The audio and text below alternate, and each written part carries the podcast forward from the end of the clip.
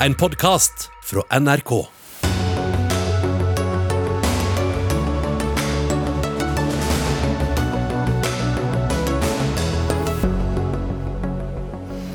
Høyre vil sette punktum for debatter om hvor sykehus skal ligge, og advarer samtidig mot omkamper. Glem det, svarer Senterpartiet. Samfunnsdebattant kritisk til håndteringa av psykisk syke under pandemien. Hun fikk selv tilbakefall av anoreksia, og møter helseministeren til debatt. En milliard av koronastøtten kunne blitt tilbakebetalt uten at selskapene hadde gått med underskudd. Ufattelig at regjeringa ikke har stilt tøffere krav til rike eiere, mener SV.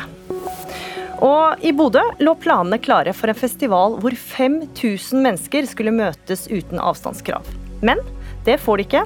Jeg er godt nordnorsk forbanna, sier skuffa arrangør.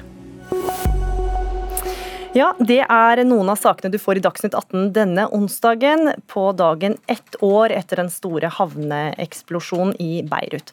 Og i dag er det sørgedag i Libanon. Mer om det seinere i sendinga. Jeg heter Gry Veiby. Statsminister Erna Solberg går langt i å advare mot nye debatter om sykehuslokalisering. Det kan vi lese i dagens VG. I går la statsministeren ned grunnsteinen til et nytt sykehusbygg i Førde, og erklærte med det Sykehus-Norge for ferdig tegna. Ifølge Solberg er kostnaden ved omkamp mer bråk og mindre helse. Kjersti Toppe, stortingsrepresentant fra Senterpartiet. Denne oppfordringa vil ikke dere rette dere etter. Hvorfor er det nødvendig med omkamper? Det er fordi at eh, sykehuskartet er ikke ferdig tegna. Eh, vi reagerer jo på bl.a. løsningen i Oslo, der regjeringen mener at en skal legge ned Ullevål sykehus til fordel for å bygge et nytt sykehus på Gaustad, som er svært kostbar på veldig liten tomt. En eh, løsning som er blitt kraftig kritisert av et samla fagmiljø. En løsning som Oslo sin befolkning ikke vil ha. Og det, og det, er, et, det er et konkret eksempel, Kjersti Toppe. men men hvilke andre omkamper er det snakk om når det gjelder eh, sykehusomkamper? Nei, Det får jeg da spørre eh, statsministeren om. Poenget er at eh, deres liste så er det jo veldig mange helt selvsagte og helt nødvendige investeringer i sykehus rundt omkring i landet, som òg Senterpartiet stiller seg bak. Det er jo det som var en, en omkamp, og som regjeringen ikke nådde fram med, var jo det, den store sentraliseringssaken i 2015, når regjeringen ville legge ned halvparten av lokalsykehusene eller halvparten av sykehusene i landet, eller å ta bort akutt akuttkirurgi. Den planen fikk de jo motbør eh, i, i, Stortinget, og Senterpartiet nådde fram med at det ikke ble en realitet. Så, så eh, det er jo Eh, Derfor en spørre de om hva de egentlig advarer mot. Vi har vært tydelige nå på eh, Ullevål, som er en av de sakene som, som vi mener er veldig uheldig, og som vi vil kjempe for òg eh, mm. videre. Vi skal høre da med deg, Bent Høie, helse- og omsorgsminister og fra Høyre. Hvilke sykehusomkamper er det dere viser til? Her kommer jo da ett eksempel med Ullevål sykehus. Ja, Hvis det er sånn at Senterpartiet nå sier at de aksepterer vår sykehusstruktur med unntak av Oslo, sånn at det er kun eh, i Oslo eh, Senterpartiet har en annen politikk for sykehusene, så det er en veldig interessant avklaring. Men jeg har jo bl.a. opplevd at Senterpartiet er imot den løsningen som nå er valgt eh, på Innlandet. Det betyr jo at hvis Senterpartiet går inn for å opprettholde både sykehuset på Gjøvik og på Hamar, så skaper en usikkerhet om alle sykehusene på Innlandet både Lillehammer sykehus, eh, det nye Mjøssykehuset som Innlandet selv har ønsket seg, og sykehuset på Elverum. Det samme er jo òg eh, tilfellet i Møre og Romsdal, der jeg oppfatter jo at Senterpartiet sier at de skal ha sykehus i Kristiansund fortsatt. Det vil jo skape usikkerhet om eh, hva blir innholdet da i det nye sykehuset som nå bygges på Hjelset, og ikke minst skaper det utrygghet òg for hva blir da situasjonen for Ålesund og for Volda. Og Det er det som er noe av utfordringen med Senterpartiet sin sykehuspolitikk, at hvis de skal nå ha omkamper i disse områdene som har stått i strid om sykehus i 20 år Men det høres jo ikke sånn ut på Kjersti Toppe. Så, Nei, så det er en viktig avklaring hvis det er sånn at dette kun handler om at Senterpartiet går til valg for, for å opprettholde Ullevål sykehus, og ellers har de akseptert Høyre sitt sykehuskart, så er det en viktig avklaring. Ja, Kjersti Toppe, er det det? Eh, dette er jo ei, ei tullesak, for det er ikke et sykehuskart som blir, eh, som blir fremstilt i VG. Det er jo en fremstilling av eh, investeringer, f.eks. på Haukeland, i Haugesund, i Stavanger, Narvik, Hammerfest osv., som vi selvsagt stiller oss bak. Og så er det jo godt kjent hva vi kjemper for i Møre og Romsdal, med at vi skal ha akutt og føde i Kristiansund fremdeles. Og det er jo spesielt når helseminister Høie nå drar fram Innlandet. når den siste sykehusdebatten vi hadde før sommeren, så bekrefter han jo selv at siste ord er ikke sagt. da Han har gitt eh, helseforetaket i oppdrag å utrede null pluss-alternativet. Og Hvis det kommer fram eh, nye opplysninger der, så har han selv sagt at da må en revurdere hva som er målsettinga der. Så her eh, snakker jo Høie mot bedre vitende, og det er ganske ufint. og Jeg velger å se på dette som et valgkamputspill. Vi skal kjempe for lokalsykehusene. Det som bekymrer meg, det er jo at lokalsykehusene har blitt freda, ikke pga. Høie, men på tross av Høie. Mens nå så eh, lider de under en sterk privatiseringspolitikk med fritt behandlingsvalg, og de skriker etter nye oppgaver, sånn at de kan bli og eh, gode lokalsykehus for uh, framtida. Men, men, la, men la, oss, la, oss, gå litt tilbake til, til omkamputspillet her nå.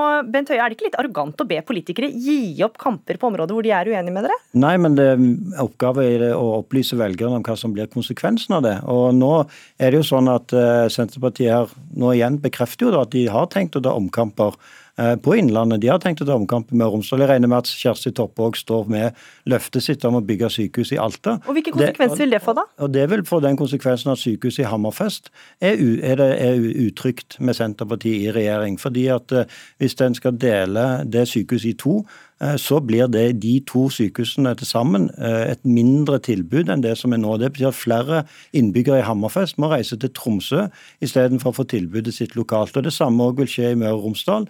Hvis Senterpartiet får gjennomslag for å opprettholde sykehus i, i Kristiansund, så betyr det at i Nordmøre og Romsdal så må flere pasienter reise til Ålesund og St. Olav for å få hjelp. Og Det samme skjer i Innlandet. Når Innlandet politisk har gått inn for å bygge Mjøssykehuset, så er det jo fordi at de ønsker å tilby innbyggerne sine sykehustjenester i Innlandet, at flere skal, færre skal slippe å måtte reise til Oslo eller, eller, eller, Viken for å få tilbud. Så her, er jo nettopp, her bekrefter jo Kjersti Toppe det som er Erna Solberg sitt poeng i VG, at med Senterpartiet i regjering så vil igjen fakkelfabrikkene få gode vilkår i Norge, fordi da blir det usikkerhet om sykehus i mange deler av landet. Og Kjersti Men er det ikke bare at de er uenige med dere? Altså, må man ikke da bare akseptere at det er omkamp? Derfor er dette en viktig sak i valgkampen. Fordi Høyre vi går nå til valg på et avklart eh, eh, syn på hvordan sykehusstrukturen i Norge skal være.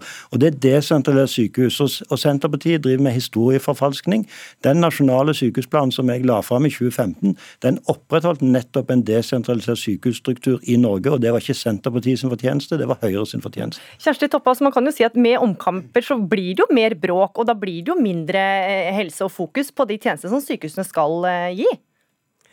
Altså, Nå må jo eh, Høie ha dårlig hukommelse, for det har vært mange fakkeltog eh, mot eh, Stortinget og hans sentraliserende helsepolitikk. Eh, så Det som skjedde i 2015 var faktisk eh, at eh, Stortinget og opposisjonen vant fram, slik at det ikke ble den nedleggingen av akuttfunksjoner som de faktisk foreslo i Nasjonal helse- og sykehusplan.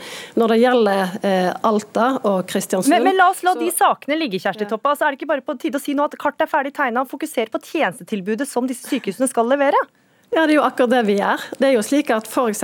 fødeavdelinger, så aksepterer ikke vi at vi skal ha en, eh, et fødetilbud der eh, kvinner får en eh, reiseavstand på to-tre timer. Det handler jo om innholdet, det handler om kvaliteten. Vi er jo blitt kritisert av eh, Verdens helseorganisasjon fordi at vi har for få fødeavdelinger. Det blir for lang reiseavstand, det blir for mange som har et dårlig følgetjeneste, og det skaper utrygghet. Det er jo en del av politikken. Eh, Høyre de står jo for en sentralisering òg på helseområdet. Det har de jo vist. De har ikke fått gjennom alt, men de har prøvd. Mens vi står for desentralisering. men, men hva syns du da om at dere blir bedt om å gi opp omkampene? Nei, altså Det er jo en hersketeknikk i politikken. Mm. Vi står for en annen helsepolitikk enn Høyre. Vi mm. står for Og da må jeg spørre deg, Bent Høie, Hvordan hadde du reagert da, hvis Senterpartiet hadde bedt dere om å slutte å kjempe om saker dere er uenige om, f.eks. russeformen? da? Nei, men Det er ikke det som er poenget. Poenget er bare at velgerne skal vite at uh, den, denne valgkampen handler nettopp òg om det. Vil en uh, beholde en desentralisert strykestruktur i Norge som er klargjort? Eh, der sykehusene nå kan få konsentrere seg om å behandle pasienter. At disse sykehusene som Men, men din partileder advarer jo på en måte mot ja. nye debatter om samlokalisering av sykehusene, og sier at det der må vi slutte med disse omkampene? Ja, og det er helt, og det er helt reelt, fordi f.eks. For eh, sykehusene i Lofoten og, og Vesterålen, de to sykehusene der, de har stadig vært nedleggingstrua. Men, men hva med da saker som dere er uenige med Senterpartiet om, da, f.eks. rusreformen? Ja, det, det, skal vi diskutere, og det er jo det som er, vi inviterer jo Senterpartiet. Det er derfor vi ønsker den debatten bl.a. her i dette men hva hadde du sagt hvis de hadde sagt at nå må dere slutte med prøve med omkampene? Jo, men Det er jo derfor vi ønsker den diskusjonen. Vi ønsker en diskusjon fordi omkampene på sykehusområdet får alvorlige konsekvenser for pasientene. Det er jo nettopp disse omkampene som Kjersti Toppe og Senterpartiet ønsker, som gjør at det er vanskelig for mindre sykehus å rekruttere, ha god be bemanning og sikre stabil bemanning. Sånn at det, det som Senterpartiet her går til valg på, det er en politikk som truer de mindre sykehusene, som vil gjenskape usikkerhet på hvilke tilbud som skal være på hvilke sykehus. og Det vil føre til at de mindre sykehusene vil få større utfordringer med Senterpartiet i regjering med å rekruttere leger, jordmødre, sykepleiere, som er helt nødvendig for å opprettholde og, og Da skal jeg ikke gi ordet til deg, Kjersti Toppe, for det vet jeg at du er uenig i det Bent Høie sier her nå. Eh, og det blir ikke siste gang vi diskuterer eh, sykehus her i Dagsnytt 18. Takk for at dere var med, Kjersti Toppe, stortingsrepresentant fra Senterpartiet, og Bent Høie, helse- og omsorgsminister, du blir sittende.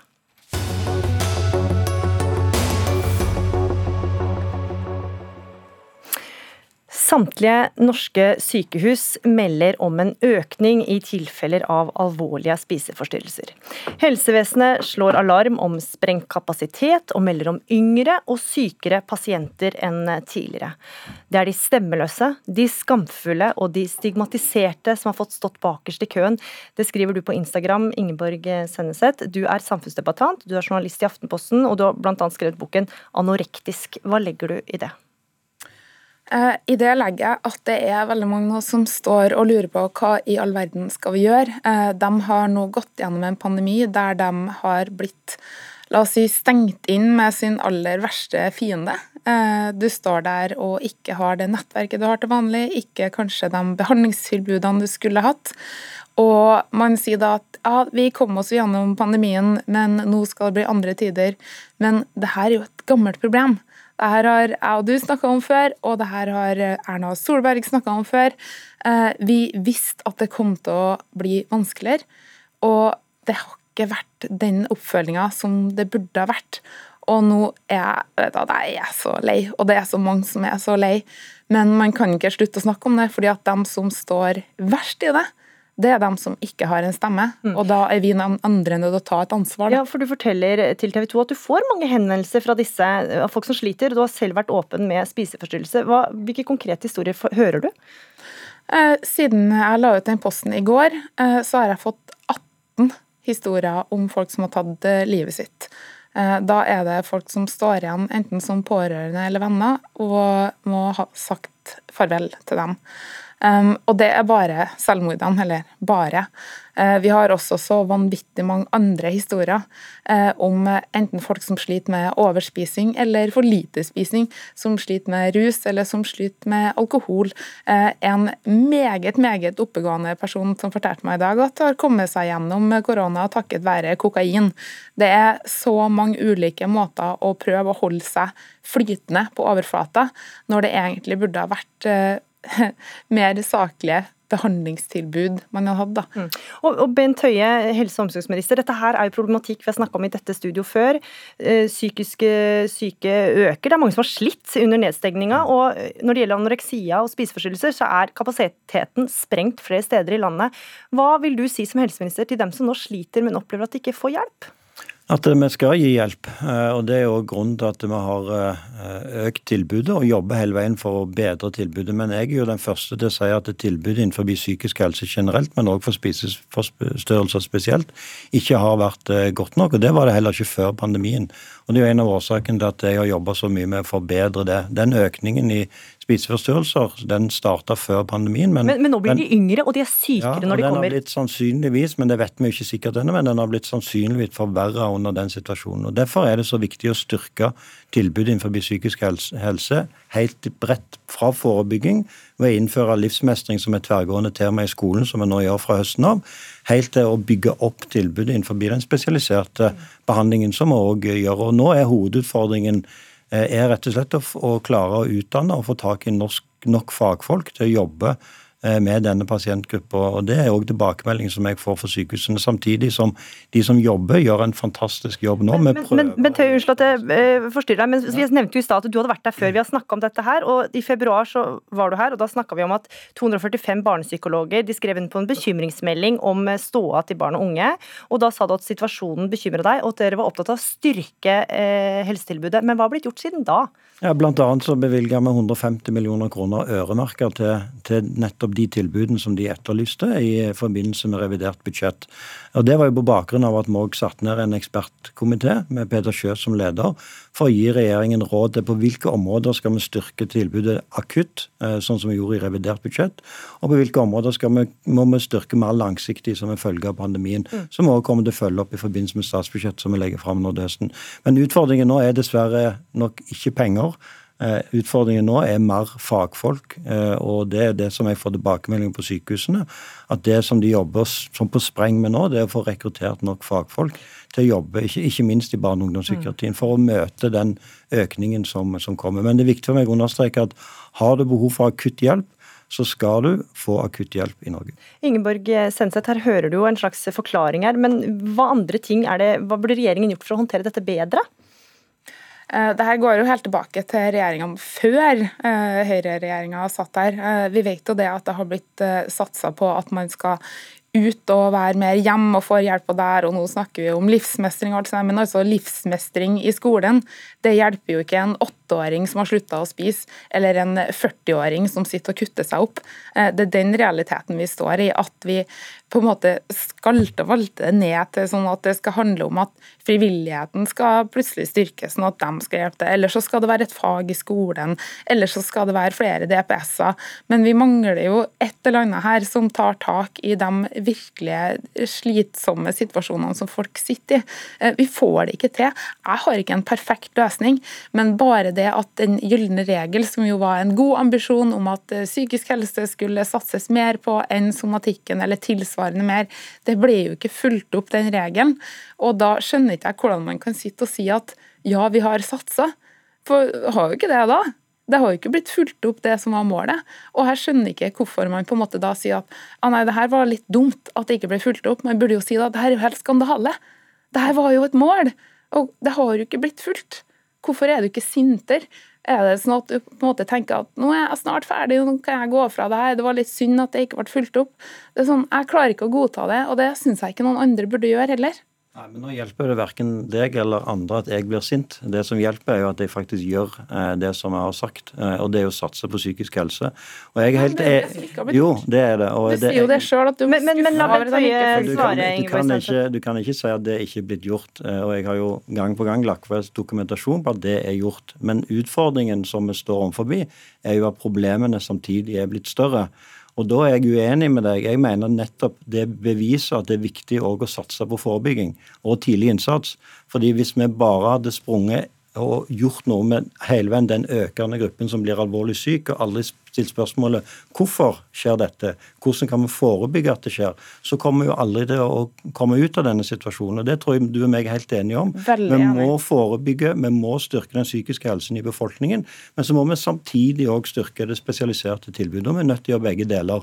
Og Den gylne regel er viktig, men det er en del av dette. Men den, vi har jo styrka det psykiske helsetilbudet òg på veldig mange andre områder og eh, i sykehusene. og Det betyr at vi bl.a. har klart, på tross av pandemien, på tross av de økte henvisningene som er klart, klart å holde ventetiden for barn og unge på et lavere nivå enn det som har gjort for andre pasienter. Nettopp fordi dette har vært prioritert. Men hadde jeg ment at alt var bra, og at jeg nå kunne slutte som helseminister en gang, forhåpentligvis om veldig lenge, eh, også med, med, den beskjeden om at jeg har fiksa alt innen psykisk helse i Norge, da hadde jeg ikke stilt til valg på å si at psykisk helse er fortsatt en av de viktigste sakene for Høyre i dette valget, fordi vi mener at det er store uløste oppgaver der fortsatt, på tross av den innsatsen som var gjort i løpet av Men Ingeborg Senneset, bare helt til slutt. Ja, men vil man, vil man noen gang kunne komme i mål med dette her? Altså, Vil man klare å fange opp alle? Nei, Det vil være det samme som å si at vi ikke skal ha noen som omkommer i trafikken. Eh, det er en god visjon å ha, men det er helt urealistisk. Eh, og dessuten så er på en måte altså psykiske vansker og psykiske problemer det er en del av livet, det også. Mm. Det er om å gjøre å få til at folk eh, kan leve uten å ha så stor skam knytta til det, sånn at man kan komme seg i arbeid selv om man er syk. for at altså, Det vil aldri være en perfekt verden der folk ikke er syke, men vi er nødt til å ha et samfunn der du kan stole på at du har noen utafor den indre kretsen. For nå er det så mange foreldre og venner og pårørende som springer og prøver å holde sine oppegående, eh, som blir en type behandler istedenfor pårørende. Mm. Og Det jeg ønsker meg veldig, er jo at man kan si det at OK, det gikk ikke med den gylne regel hvordan skal vi få det til å fungere? For det var jo et godt sted å starte. Og det svaret må du faktisk eh, få utenfor eh, studio. Ingeborg Senneset, eh, journalist i Aftenposten, og Bent Høie, helse- og omsorgsminister. Takk for at dere var med i Dagsnytt 18.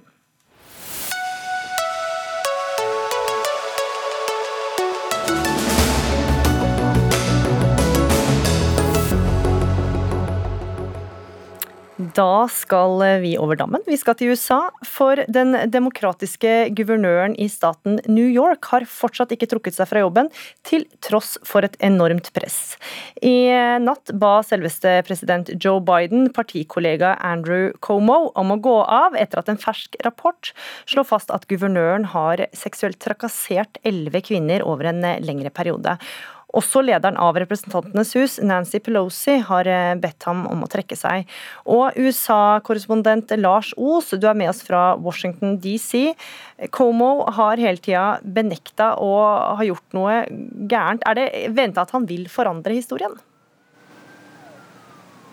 Nei, det får vi jo se. Han la ut en uh, forhåndsinnspilt video rundt en time etter at uh, rapporten ble uh, presentert. og Der var han veldig tydelig på at han har ikke gjort noe galt.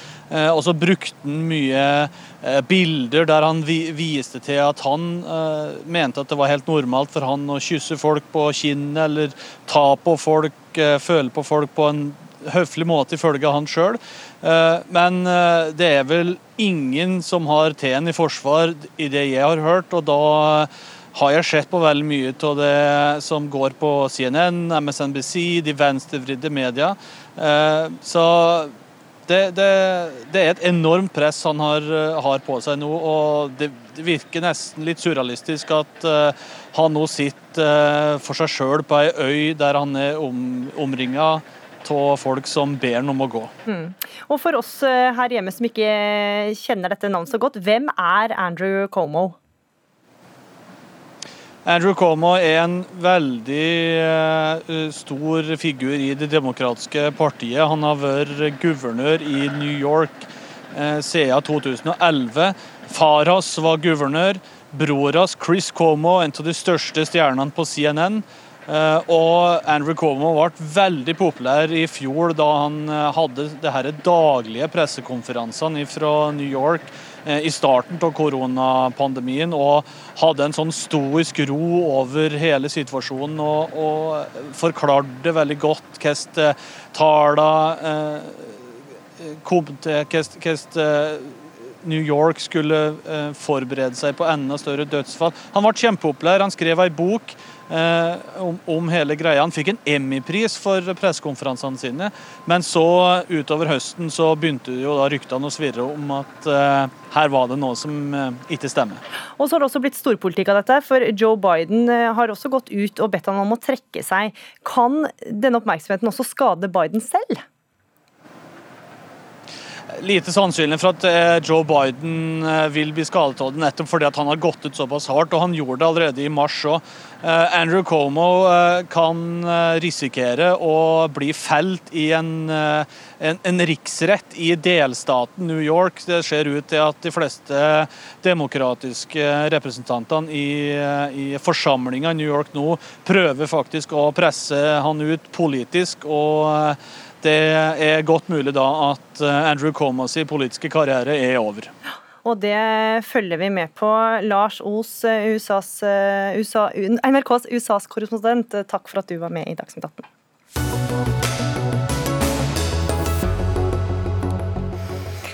De fikk penger av staten for å sikre at de kom seg helskinna gjennom pandemien.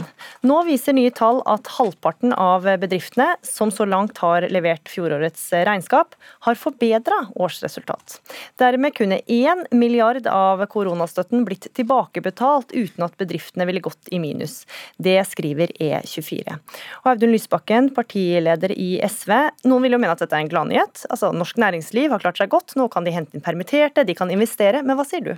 Ja, men det er jo eh, Det er det jo. Eh, men det er jo også grunn til å stille noen veldig store spørsmålstegn ved hvorfor ikke regjeringen i løpet av krisen har sørget for en mer rettferdig ordning. Eh, gang på gang på gang så har vi etterlyst tydeligere sosiale krav, sånn at du ikke skal risikere å ende opp i en situasjon hvor altså fellesskapets midler går til bedrifter som ikke trenger det, og kanskje til og med ende opp, som vi har sett eksempler på, som eh, utbytteutbetalinger til rike eiere. Og Det er ufattelig at det ikke er gjort, og det er også alvorlig fordi pandemien har blitt en forskjellskrise, hvor det er lavtlønte arbeidsfolk som har betalt den høyeste prisen, og hvor det har gått så det griner for mange på toppen. Og Det er ikke bra for vårt samfunn, og det er en av grunnene til at forskjeller og ulikhet er noe som folk er så opptatt av. Finansminister Jan Tore Sanner, hvorfor var denne støtten en god bruk av skattebetalernes penger? Det var en veldig god bruk, eh, fordi det handler om å trygge bedrifter og trygge arbeidsplasser. Hvis vi går tilbake til mars-april 2020, så sto både jeg, regjeringen, bedriftsledere og arbeidstakere og så ned stort, sort hull. Man visste ikke hvor dypt denne krisen ville gå. Man fryktet eh, massearbeidsledighet og konkursras. Eh, så viser det seg da at det heldigvis har gått langt bedre enn vi håpet, og langt eh, bedre enn man kunne, kunne, kunne tro. Men Hvordan leser du da tallet at 1 milliard av koronastøtten kunne blitt tilbakebetalt uten at bedriftene ville gått i minus? Er, står det seg den argumentasjonen først, da? Først og fremst at vi har lykkes. Først og fremst at vi har lykkes med å trygge bedrifter og arbeidsplasser. Eh, og jeg mener at både bedrifter og ansatte fortjener ros for det samfunnsansvaret man har vist, og ikke SVs moralske pekefinger. Det at man skulle komme i ettertid og kreve tilbake penger eh, fra bedrifter som har forholdt seg til de reglene Stortinget har vedtatt. Det er helt uaktuelt. Men, men, bør bedriftene betale tilbake? Ikke at dere krever det, men bør de av egen eh, moral betale tilbake, syns du? Bedriftene har forholdt seg til de reglene som Stortinget har satt. Og så er det slik at En bedrift som, eh, som sto i krise i mars, april og mai, de kan ha tatt tak, de kan ha kuttet kostnader, de kan ha omstilt seg, mm. de kan ha funnet nye markeder. Det at det da går bra mot slutten av året, det skal de ha ros for. Mm. Det er veldig bra jobbet, og da skal vi ikke komme i etterkant med moralsk pekefinger fra SV eller, eller, fra, eller, fra, eh, finansministeren mm. og kreve penger tilbake. Sånt gjør vi ikke i rettsstaten Norge. Lysbakken, hva syns du skal skje med selskapene da, som fikk støtte, men som nå går med overskudd? Jeg syns at de som har fått krisestøtte som de ikke trenger, burde betale den tilbake, og at finansministeren burde oppfordre til det. Det er jo også en god del bedrifter som har gjort det og som har, der eieren har sagt veldig tydelig at eh, takk for hjelpen vi har fått, selvfølgelig skal vi betale tilbake når det viser seg at vi nå ikke trenger pengene. Men jeg har ikke rettet noen moralsk pekefinger mot disse bedriftene i det hele tatt. Vi har vært for støtteordninger. Men jeg har rettet en pekefinger mot finansministeren, fordi han gjennom hele krisen har latt være å høre på de mange SV var blant de, men også en rekke fagøkonomer og andre som har krevd at du skulle stille sosiale krav. Som har krevd for det første at du skulle ha lavere tak i ordningen, sånn at ikke så mye av pengene gikk til de aller største selskapene. Eh, og med det resultatet at du får tall som dette. Eller at du skulle ha et krav om null utbytte, f.eks. For eksempel. fordi Jan Tore Sanner har hatt ubegrenset tillit til disse rike eierne, så har jo f.eks. da mm. luksusveskeaksjonærene i Louis Vuitton fått litt ekstra utbytte på norske skattebetaleres regning. Men la oss holde oss til det ene forslaget her. ikke sant? I fjor så stemte dere ned et forslag fra rød-grønn side Jan Tore Sanner, om at bedrifter som mottok støtte, ikke skulle kunne ta utbytte. Hvorfor vurderte dere ikke et sånn utbytteforbud? som Jo, det ble vurdert, eh, og vi diskuterte det også med, med finanskomiteen. Eh, men min vurdering er at utbytteforbud For det første mener jeg at, at det er veldig naivt å tro at det vil ha noen effekt i det hele tatt. Eh, fordi at det er bare en detaljstyring av når bedriften skal ta ut utbytte. Hvis du sier at i år får du ikke ta utbytte, ja vel, da overfører du overskudd til neste år, og så kan eierne ta det ut, ta det ut da. Så det er veldig naivt å tro at en detaljstyring av tidspunkt er det som, det som virker. Eh, og så er, det, så er det noen gang slik at hvis du går tilbake til, til mars-april 2020, og det, og det, må vi gjøre fordi da var det en ekstrem usikkerhet. Mm. Da, havnet, da, handlet det om å få penger raskt ut. Ja. Eh, vi har iverksatt en rekke andre ordninger for å redusere ulikhet, for å sørge for å få, kompetanse, for å sørge for at de som er hardest rammet, men, kan men, komme bedre ut av det. Men eh, bare for å ta litt den uh, utbytteforbudet, Lysbakken. for altså, Som Sanner altså påpeker, hvor god effekt har det egentlig, all den tid bedrifter kan ta ut utbytte når et sånt forbud oppheves? Det er jo ikke ulovlig å drive med skatteplanlegging. Ja, men Nå meldes det om store utbytter nå. Det hadde vært eh, mulig, selvfølgelig ingen ordninger perfekt, men det hadde selvfølgelig for det første vært mulig å hindre en god del av det. Eh, også gjennom den kraften som et sånt utbytteforbud ville hatt til å si at dette ikke er en grei måte å forvalte dette på. Men det regjeringen har gjort, som står i skrikende kontrast til hvordan Høyre alltid møter de som har minst i vårt samfunn, da er det ikke tillit som gjelder. Men når det gjelder de rikeste, da er det ubegrenset tillit. 18 forslag har vi fremmet i løpet av krisen om sosiale krav eh, knyttet til krisestøtten. Alt har Høyre stemt imot, og alltid sagt at selvfølgelig kommer ingen til å gå med utbytte. De kommer jo ikke til å gå med overskudd. Og så skjer det, akkurat som vi advarte mot. Og det er jo rett og slett sånn at eh, Jan Tore Sanner bekymres åpenbart ikke over eh, å bruke fellesskapets penger på helt unødvendig vis, så lenge det ender i lommene på noen av de som har mest fra før. Det syns jeg er meningsfullt. Ja, for Sanner, vi har jo lest disse sakene om f.eks. de eksklusive franske kjedene Louis Vuitton, som tar ut masse utbytte, og sammen med bonus til Norwegian. Er det, hvor god pengebruk var det? Den nedrige retorikken der, Audun Lysbakken, den syns jeg du skal holde deg for, for god for. For meg handler det ikke om eiere. Det handler ikke om bedriftsledere, men det handler om arbeidsplasser. Jeg finner meg rett og slett ikke i den form for, for, retorikk. Når vi har stått sammen for å håndtere denne krisen, så har det handlet om å skape trygghet. Trygghet for bedrifter, trygghet for arbeidsplassene, trygghet i en situasjon hvor Norge sto i en dyp krise, hvor hele verden sto i en dyp krise. Nå skal vi glede oss over at Norge er et av de land som har kommet best ut, både når det er helse og økonomi. Ok, Da har du sagt det, men la oss tilbake til spørsmålet. da, Denne franske kjeden og andre også utenlandske kjeder som har tatt ut mye utbytte. Hva syns du om den pengebruken? Du, eh, for å si Det sånn, eh, det er jeg som har lagt til rette for den åpenheten som gjør at alle kan gå inn og se hva bedriften har fått. Men hva, hvor, hva, hvordan bedriften er organisert, det har ikke jeg innsikt i. Og Det betyr også at jeg kan ikke begynne å uttale om enkeltbedrifter, for det kan være mange årsaker til at en bedrift går med overskudd. Det kan være mange årsaker til at man betaler utbytte. Og det er slik Audun Lysbakken, at noen er faktisk helt avhengig av utbytte som inntekt. Mm. Eh, slik at et generelt utbytteforbud som dere har tatt til orde for, det vil gjøre at mange ikke ville hatt penger til, eh, til eh, livets opphold. Og Audun Lysbakken, Det er jo veldig lett å komme med kritikk etterpå klokskapens lys. Absolutt, og hadde vi bare gjort det, så hadde ikke jeg hatt noe sagt. Men dette har vi påpekt igjen og igjen gjennom krisen. Eh, og vi har ikke gått inn for at det skal være forbudt å ta et utbytte i Norge, men tar du imot krisestøtte, så må vi forvente at pengene ikke skal gå til det.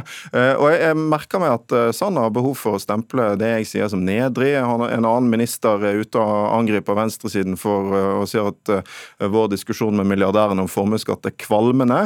Altså det det syns jeg på en måte er et debattnivå som viser at Høyre syns forskjellsdebatten er ubehagelig. Visst skal vi glede oss over at vi har kommet gjennom pandemien, men visst skal vi også diskutere hvordan vi kunne havne der at pandemien ble en forskjellskrise hvor belastningene ble så ujevnt fordelt, og hvor det altså har gått så det griner for mange på toppen, mens det er helt andre i vårt samfunn som har betalt den største prisen for krisen. Og da er det faktisk viktig å unngå sånne ting som vi har sett nå, at fellesskapets penger til slutt kan ende i utbytte hos aksjonærene i Louis Vuitton. Da, skal jeg gi deg, eh, da skal jeg gi deg rett på, på ett punkt. Eh, for jeg har også vært opptatt av at denne krisen rammer skjevt. Den har rammet skjevt på bedrifter. Noen bedrifter har klart seg veldig bra, andre bransjer har gjort det veldig dårlig. Og det er de med lavest inntekt, minst utdanning, som er mest utsatt. Og Det er også bakgrunnen for at vi har iverksatt så mange tiltak gjennom hele krisen, nettopp for å skape trygghet. Og det å ha en jobb å gå til, det er faktisk det aller viktigste. Og der tror jeg dere faktisk er kjempeenige. Jan Tore Sanner, finansminister, og Audun Lysbakken, partileder i SV, takk for at dere var med i Dagsnytt 18.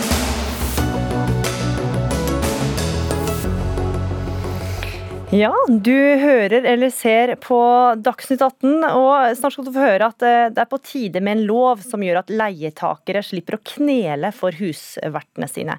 Det mener Forbrukerrådet, som vil skrote husleieloven, og det får du høre om litt seinere i sendinga.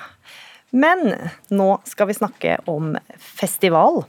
For eh, i Bodø lå planene klare for det som skulle bli den første store festivalen i Norge, helt uten smitteverntiltak. Både festivalarrangøren og smittevernoverlegen i kommunen mener arrangementet ville vært trygt, selv uten krav om to meters eh, avstand. Men Folkehelseinstituttet og Helsedirektoratet setter foten ned. Og eh, Gøran Aamodt, du er arrangør for Rensåsen 2021 i Bodø. Du er godt nordnorsk forbanna, kan vi lese på NRKs eh, nettsider. Hva er det du reagerer på? Nei, Jeg reagerer rett og slett på at uh, det er jo et, et langt uh, bilde å, å, å, å, male her. Men, men, uh, men, la oss si det sånn, da. Jeg satt i ei sommergruppe som Abid Raja satt sammen. og Resultatet av den sommergruppa var jo disse testkonsertene som skulle være i Oslo og Bergen. Um, Oslo kommune valgte å si nei. Eh, og Da lanserte vi Bodø med en gang som en by som gjerne ønska å, eh, å, lage et testarrangement, et trygt testarrangement. Vi baserte det på eh, de retningslinjene som lå i trinn 4, som etter hvert skulle innføres en gang i løpet av juli-august på den tida.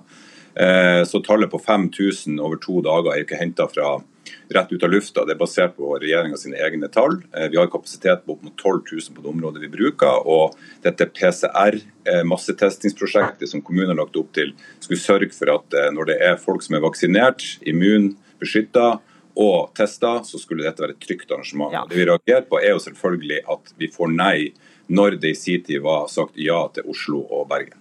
Ja, for at Dere vil altså ha PCR-testing, som er, eh, tar noen timer og tar til døgn å få svar, og gi mer presise svar enn om du hatt, eh, om du f.eks. har hatt viruset tidligere. Men dere ønsker altså uh, unntak fra avstandskrav og antallsbegrensninger. Hvorfor skal akkurat dere ha det?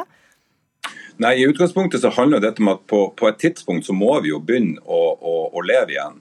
På et tidspunkt så må vi jo begynne å og, eh, og, ta hensyn til at vaksinasjonsgraden er høyere. Eh, denne her Pandemien er på en måte ikke på samme nivå som den var i juni, når de sa ja i Oslo og Bergen. Eh, her snakker vi fra midten av august og mot september. Og vi snakker om at ei gruppe, Dette er et prosjekt lagt til rette for en gruppe unge folk som har lidd mer enn de fleste med den nedstengninga som har vært. Eh, og det som Vi føler er at vi har fått et bredt medisinsk eh, apparat til å gjøre en vurdering. og De bruker jo ord som rett og slett at det skal være hypotetisk at vi skal oppleve eh, smitte på et arrangement der folk enten er vaksinert eller testa med den testinga. Og Du får støtte også fra deg, Kai Brynjar Hagen, du er smittevernoverlege i Bodø. Du stiller deg bak å arrangere denne festivalen. Hvorfor det? Jo, det utgangspunktet vi gjorde var jo at PCR-testing med prøvesammenslåing sånn som skissert av oss, eh, vil gjøre det eh, ganske så trygt å, være deltaker på et sånt eh, arrangement. Det vil gi en så betydelig risikoreduksjon at vi mener, altså vi legger til grunn at da er det absolutt mulig å se bort fra avstandskravet. Altså det handler om at noen mennesker i noen timer får et frirom der man kan slappe av fra eh, koronatiltak. Mm. Espen Nakstad, assisterende helsedirektør. Eh, Bodø har hatt nærmest null smittetilfeller de siste ukene. Hvorfor kan ikke denne festivalen få unntak fra avstandskravene? Nei, dette er jo en søknad som har kommet til oss eh, om unntak fra covid-19-forskriften, og så har vi vurdert det og gitt en anbefaling til departementet, som jo tar stilling til sånne forskriftsendringer. Og Det er noen ting her som er litt viktig å presisere. Altså for det første er ikke dette et rent forskningsprosjekt sånn som det var søkt om i Oslo og Bergen. Eh, da kreves godkjenning av etisk komité, for da eksponerer du folk med, med i hvert fall en viss sannsynlighet for en smitterisiko som de ellers ikke ville hatt. Eh, men vi har stilt oss bak de ønskene her om å bruke PCR-testing, til og med å gjennomføre det faktisk to døgn før arrangementet også. Vi har stilt oss bak at man kan samle prøver, det som heter pooling av prøver, for å kunne gjøre, teste ut hvordan det fungerer. Så det aller meste med dette her er egentlig veldig bra. Men man ber også om unntak fra å ha 500 i eh, egne felt på et arrangement. Ja.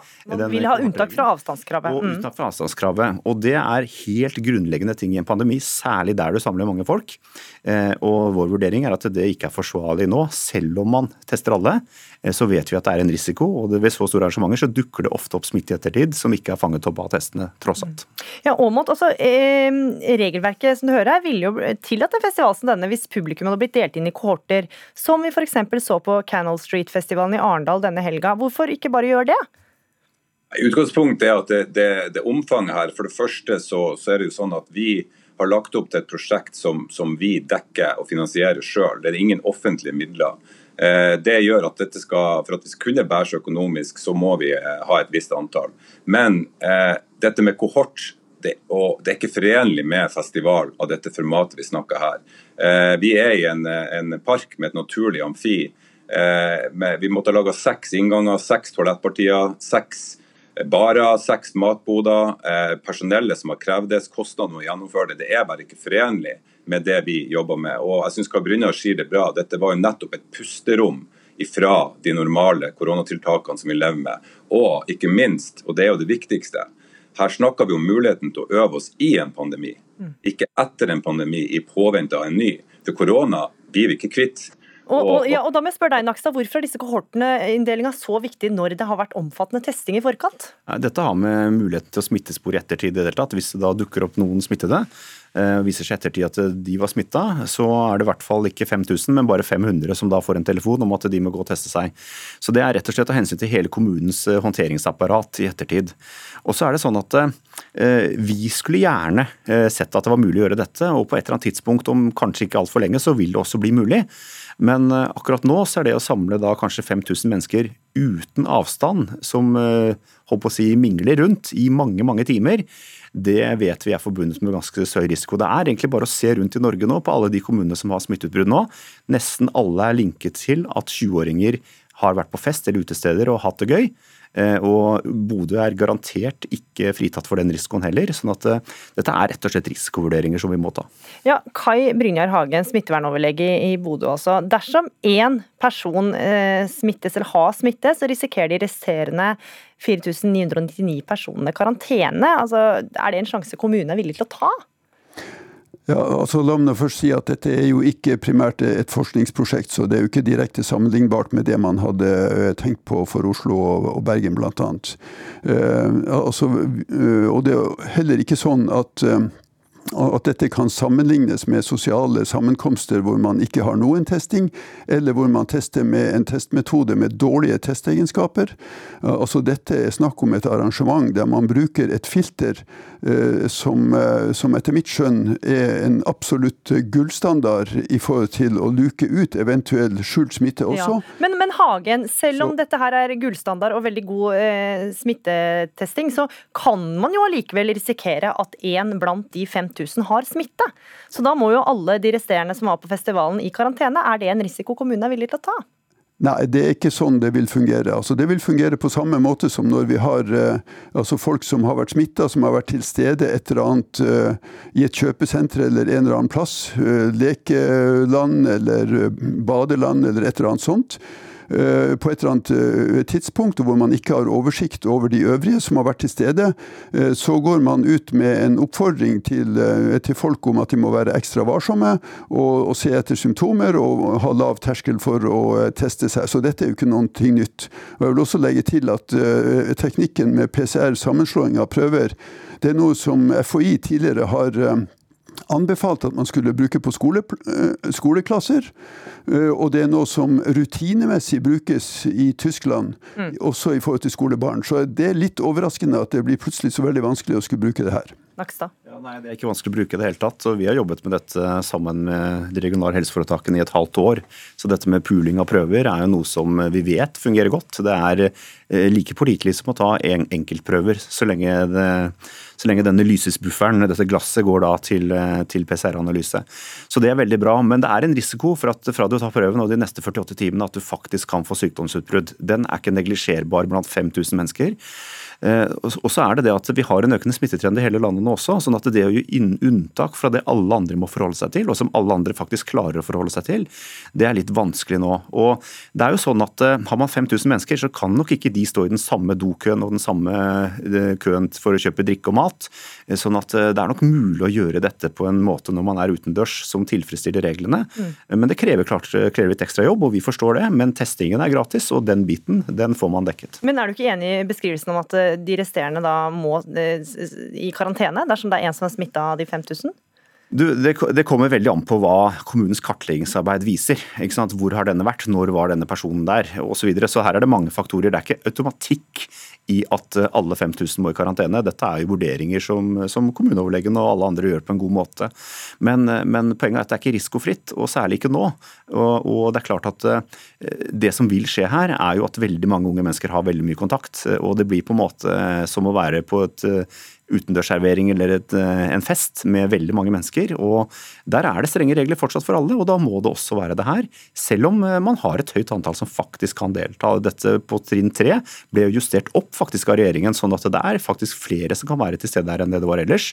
Eh, så lenge man tester ved inngangen. Mm. Ja, Gøran Aamodt, helt kort her. Nå blir det ikke akkurat et sånn festival som du så for deg, men blir det et annet arrangement? Nei, det første vil Jeg bare si at jeg synes det er veldig rart den kunstige linja som dras mellom idretten ja. og, og, Ja, akkurat den kan vi ikke ta nå, men blir det et, et arrangement for de som hadde gleda seg? Nei. Nei. Ok, det var eh, nedslående nyheter kanskje for de som eh, ville på festival i Bodø. Takk for at dere var med i Dagsnytt 18, Gøran Aamodt, eh, som er altså arrangør for Rensåsen 2021. Kai Brynjar Hagen, smittevernoverlege i Bodø, og Espen Nakstad, assisterende helsedirektør.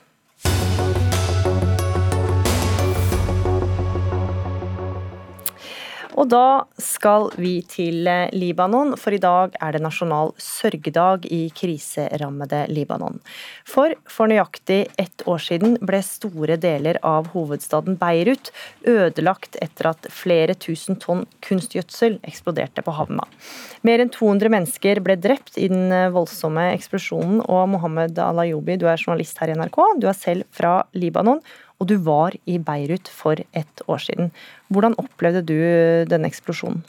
Åh, det var veldig dramatisk. Eh, jeg kan huske det til den dagen i dag. Jeg husker at eh, jeg sov, og plutselig eh, bare merket at det kom en hvit røyk inn i soverommet. Jeg tenkte jøss, har kjøleanlegget kollapset sammen eller eksplodert? Men jeg skjønte med en gang at det må være noe annet. Jeg trodde det var et jordskjelv. Så jeg løp ut, jeg kledde på meg, jeg hadde på et pass, og jeg var helt sikker at eh, den tolvte etasjebygningen kom til å rase sammen, for det kommer et etterskjelv. Og jeg løp fort ned, eh, og folk sto på trappa og gråt. Jeg sa dere må komme ned fordi det kommer et etterskjelv. Og, og trappene blir lengre og lengre og lengre. og lengre. Når det endelig kom frem, så sa folk at det, det, er ikke et jordskjelv, det er eh, et, et fyrverkeri i lager som har gått i lufta. Og så sa de det kan ikke bare stemme, det må være noe helt annet. Ødeleggelsene var jo enorme, og bildene derfra også jo, viser jo et stort krater. Eh, hvorfor ble det lagra så mye kunstgjødsel i havnelagrene i Beirut? Det er det man har forsøkt å finne ut i løpet av ett år. Eh, det er mange som har undersøkt dette. her. Det er en båt som har kommet fra Georgia eh, til Hellas og tilbake til, og videre til Beirut den varen skulle videre til Mosambik. Man kom jo aldri videre der. Eh, båtene ble uh, satt i arrest. Senere ble disse materialene lagret på hangar nummer 12 i, i 20 år.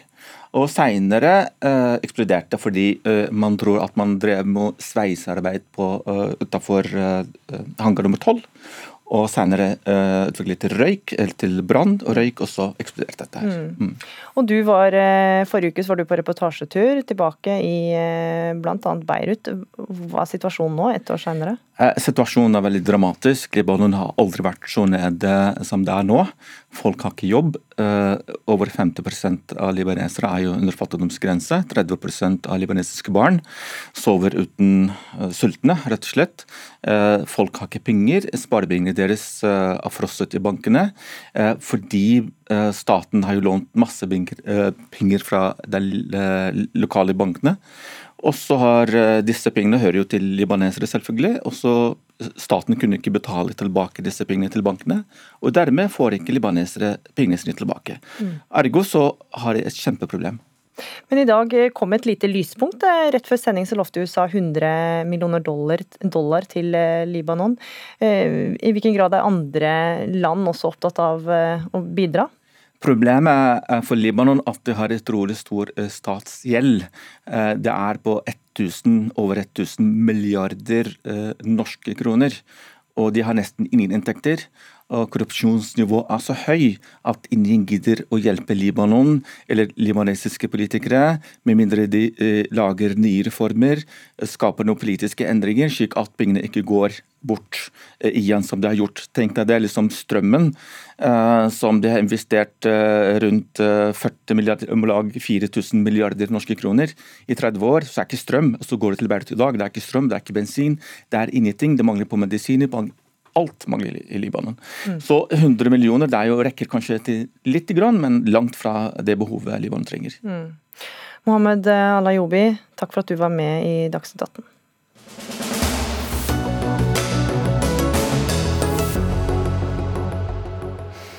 Det er mye snakk om hvor vanskelig det er å kjøpe egen bolig, men hvordan er situasjonen for den millionen av nordmenn som eh, leier? Det er på tide med en husleielov som gjør at leietakere slipper å knele for husvertene sine. Det skriver du i en kronikk på NRK Ytring, Inger Lise Blyverke, du er direktør i Forbrukerrådet. Hva er feil med dagens lov? Den er en lov som i stor grad favoriserer utleier og gjør det vanskelig og utrygt for leietakere. Den bygger jo på en utredning av boligmarkedet som er mer enn 30 år gammel, og det har endret seg mye siden den gangen. Eh, vi vet at utleiere eh, har muligheter til å leie ut egen bolig, rett og slett for å finansiere det å, å ha sin egen bolig. Mm. Eh, og det har det vært mange gode grunner til, men det har ført til altså at leietakerne står veldig svakt. Ja, dere har jo kontakt, jevnlig kontakt med leietakere som forteller om ulike problemstillinger rundt det å leie bolig. Hva slags problemer er det de forteller om? Ja, Det er eh, helt riktig som du sier. Det er jo en av de henvendelsestypene som står øverst på vår liste, dessverre. Det er eh, problemet knyttet til det å være leietaker. Og ting som vi som eier egen bolig eh, tar som en selvfølge, nemlig det at vi skal kunne vite hvor lenge vi skal bo i, i leiligheten, og kunne velge selv når vi ønsker å flytte, det er en situasjon som leietakere ikke kjenner. Det at jeg har lyst til å male veggen eller henge opp bildene hvor jeg vil, det er det veldig mange leietakere som ikke får anledning til. Og det at jeg tar som en selvfølge at ingen låser seg inn mens jeg dusjer i leiligheten min, eller kikker inn gjennom vinduet, eller går gjennom søpla mi, det viser det seg at det faktisk er veldig mange leietakere som opplever at utleier gjør. Mm. Det har blitt dessverre slik at eh, det er eh, utleiers marked. Og leietakere i en større undersøkelse som vi har gjennomført, sier at de opplever at det å gå på visning er som å gå på date. De må prøve å gjøre seg lekre overfor utleier for å få en leilighet. Og veldig mange har tidsbestemte leiekontrakter som gjør at de uten noen som helst slags begrunnelse kan bli satt sagt opp etter ett eller tre år. Mm. Heidi Nakken, du er statssekretær i Kommunal- og moderniseringsdepartementet og politiker for eh, Høyre. I fjor så starta dere en utredning av eh, bl.a. dagens lov. Kjenner du deg igjen i problemstillingene som her blir skissert? Ja, altså Jeg kjenner meg igjen i at mange eh, opplever ting i leiemarkedet som eh, ikke er bra. Eh, det er jo, som Forbrukerrådet peker på, en av de henvendelsene de eh, får mange av. Sånn at eh, det, det, går an å kjenne seg igjen i. Eh, og så, er det jo hvordan man skal løse det som er det store, det store spørsmålet, da. Mm, hva sier du til forslaget da om å, på tide med ny husleielov? Jeg tror det kan være tid for å gå gjennom og revidere eh, også husleieloven. Det er en gammel lov. Vi varsla jo da når vi la fram boligsosialstrategi i fjor, at eh, her må en eh, se på en del ting, bl.a. det med husleielengde. Det er vi ikke ferdig å vurdere, men det er heller ikke like enkelt å gjøre det likt overalt. Fordi at leiemarkedet er så veldig ulikt fra de store eh, selskapene og de offentlige, altså kommunalt eide boliger, til at det er veldig mange enkeltpersoner som, som leier ut deler av boligen eller en sekundær bolig for en periode. Så det er ikke, det er ikke bare bare å, å kutte det heller.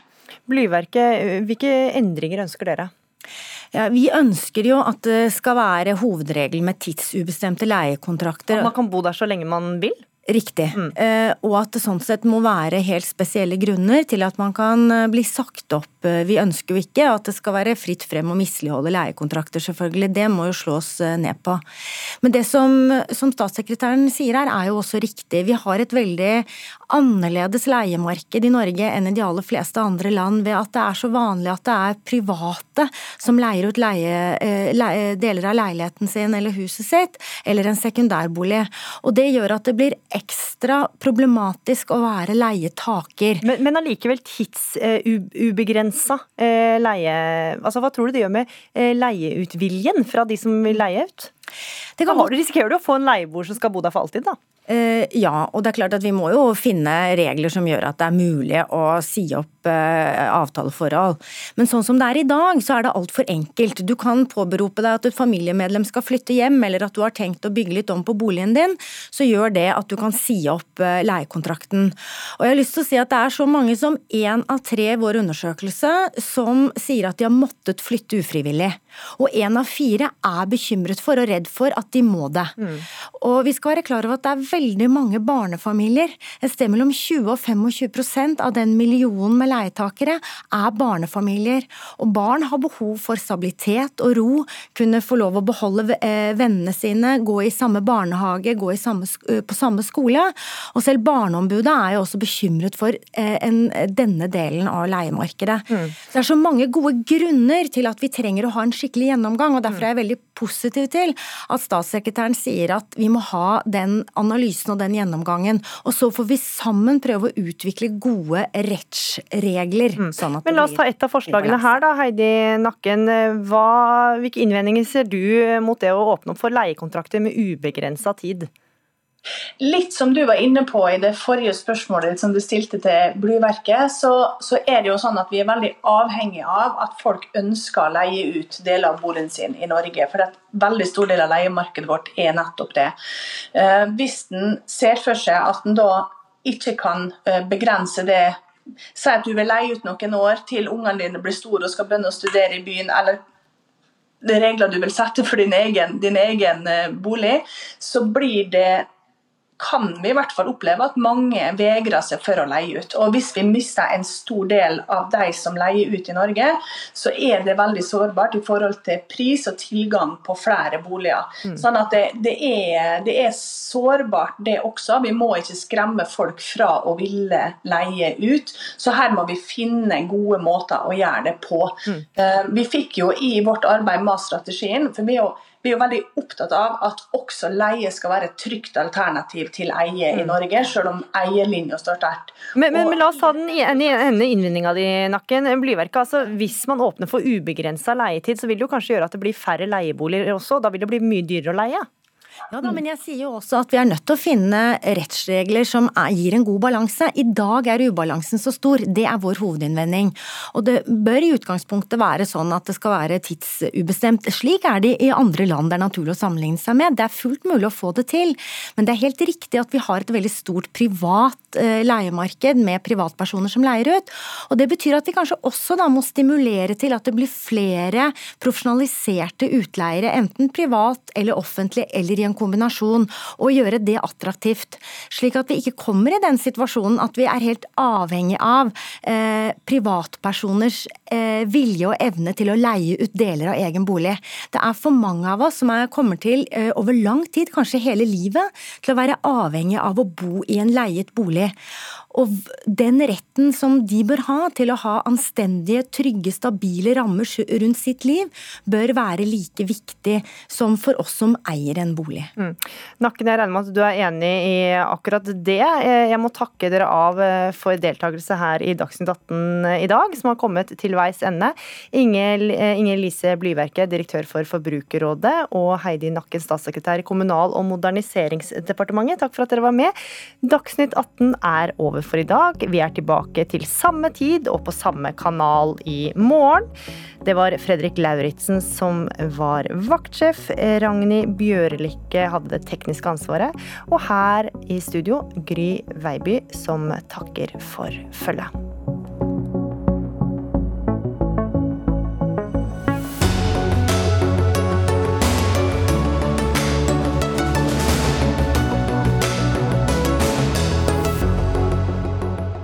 Du har hørt en podkast fra NRK. Hør flere podkaster og din favorittkanal i appen NRK Radio.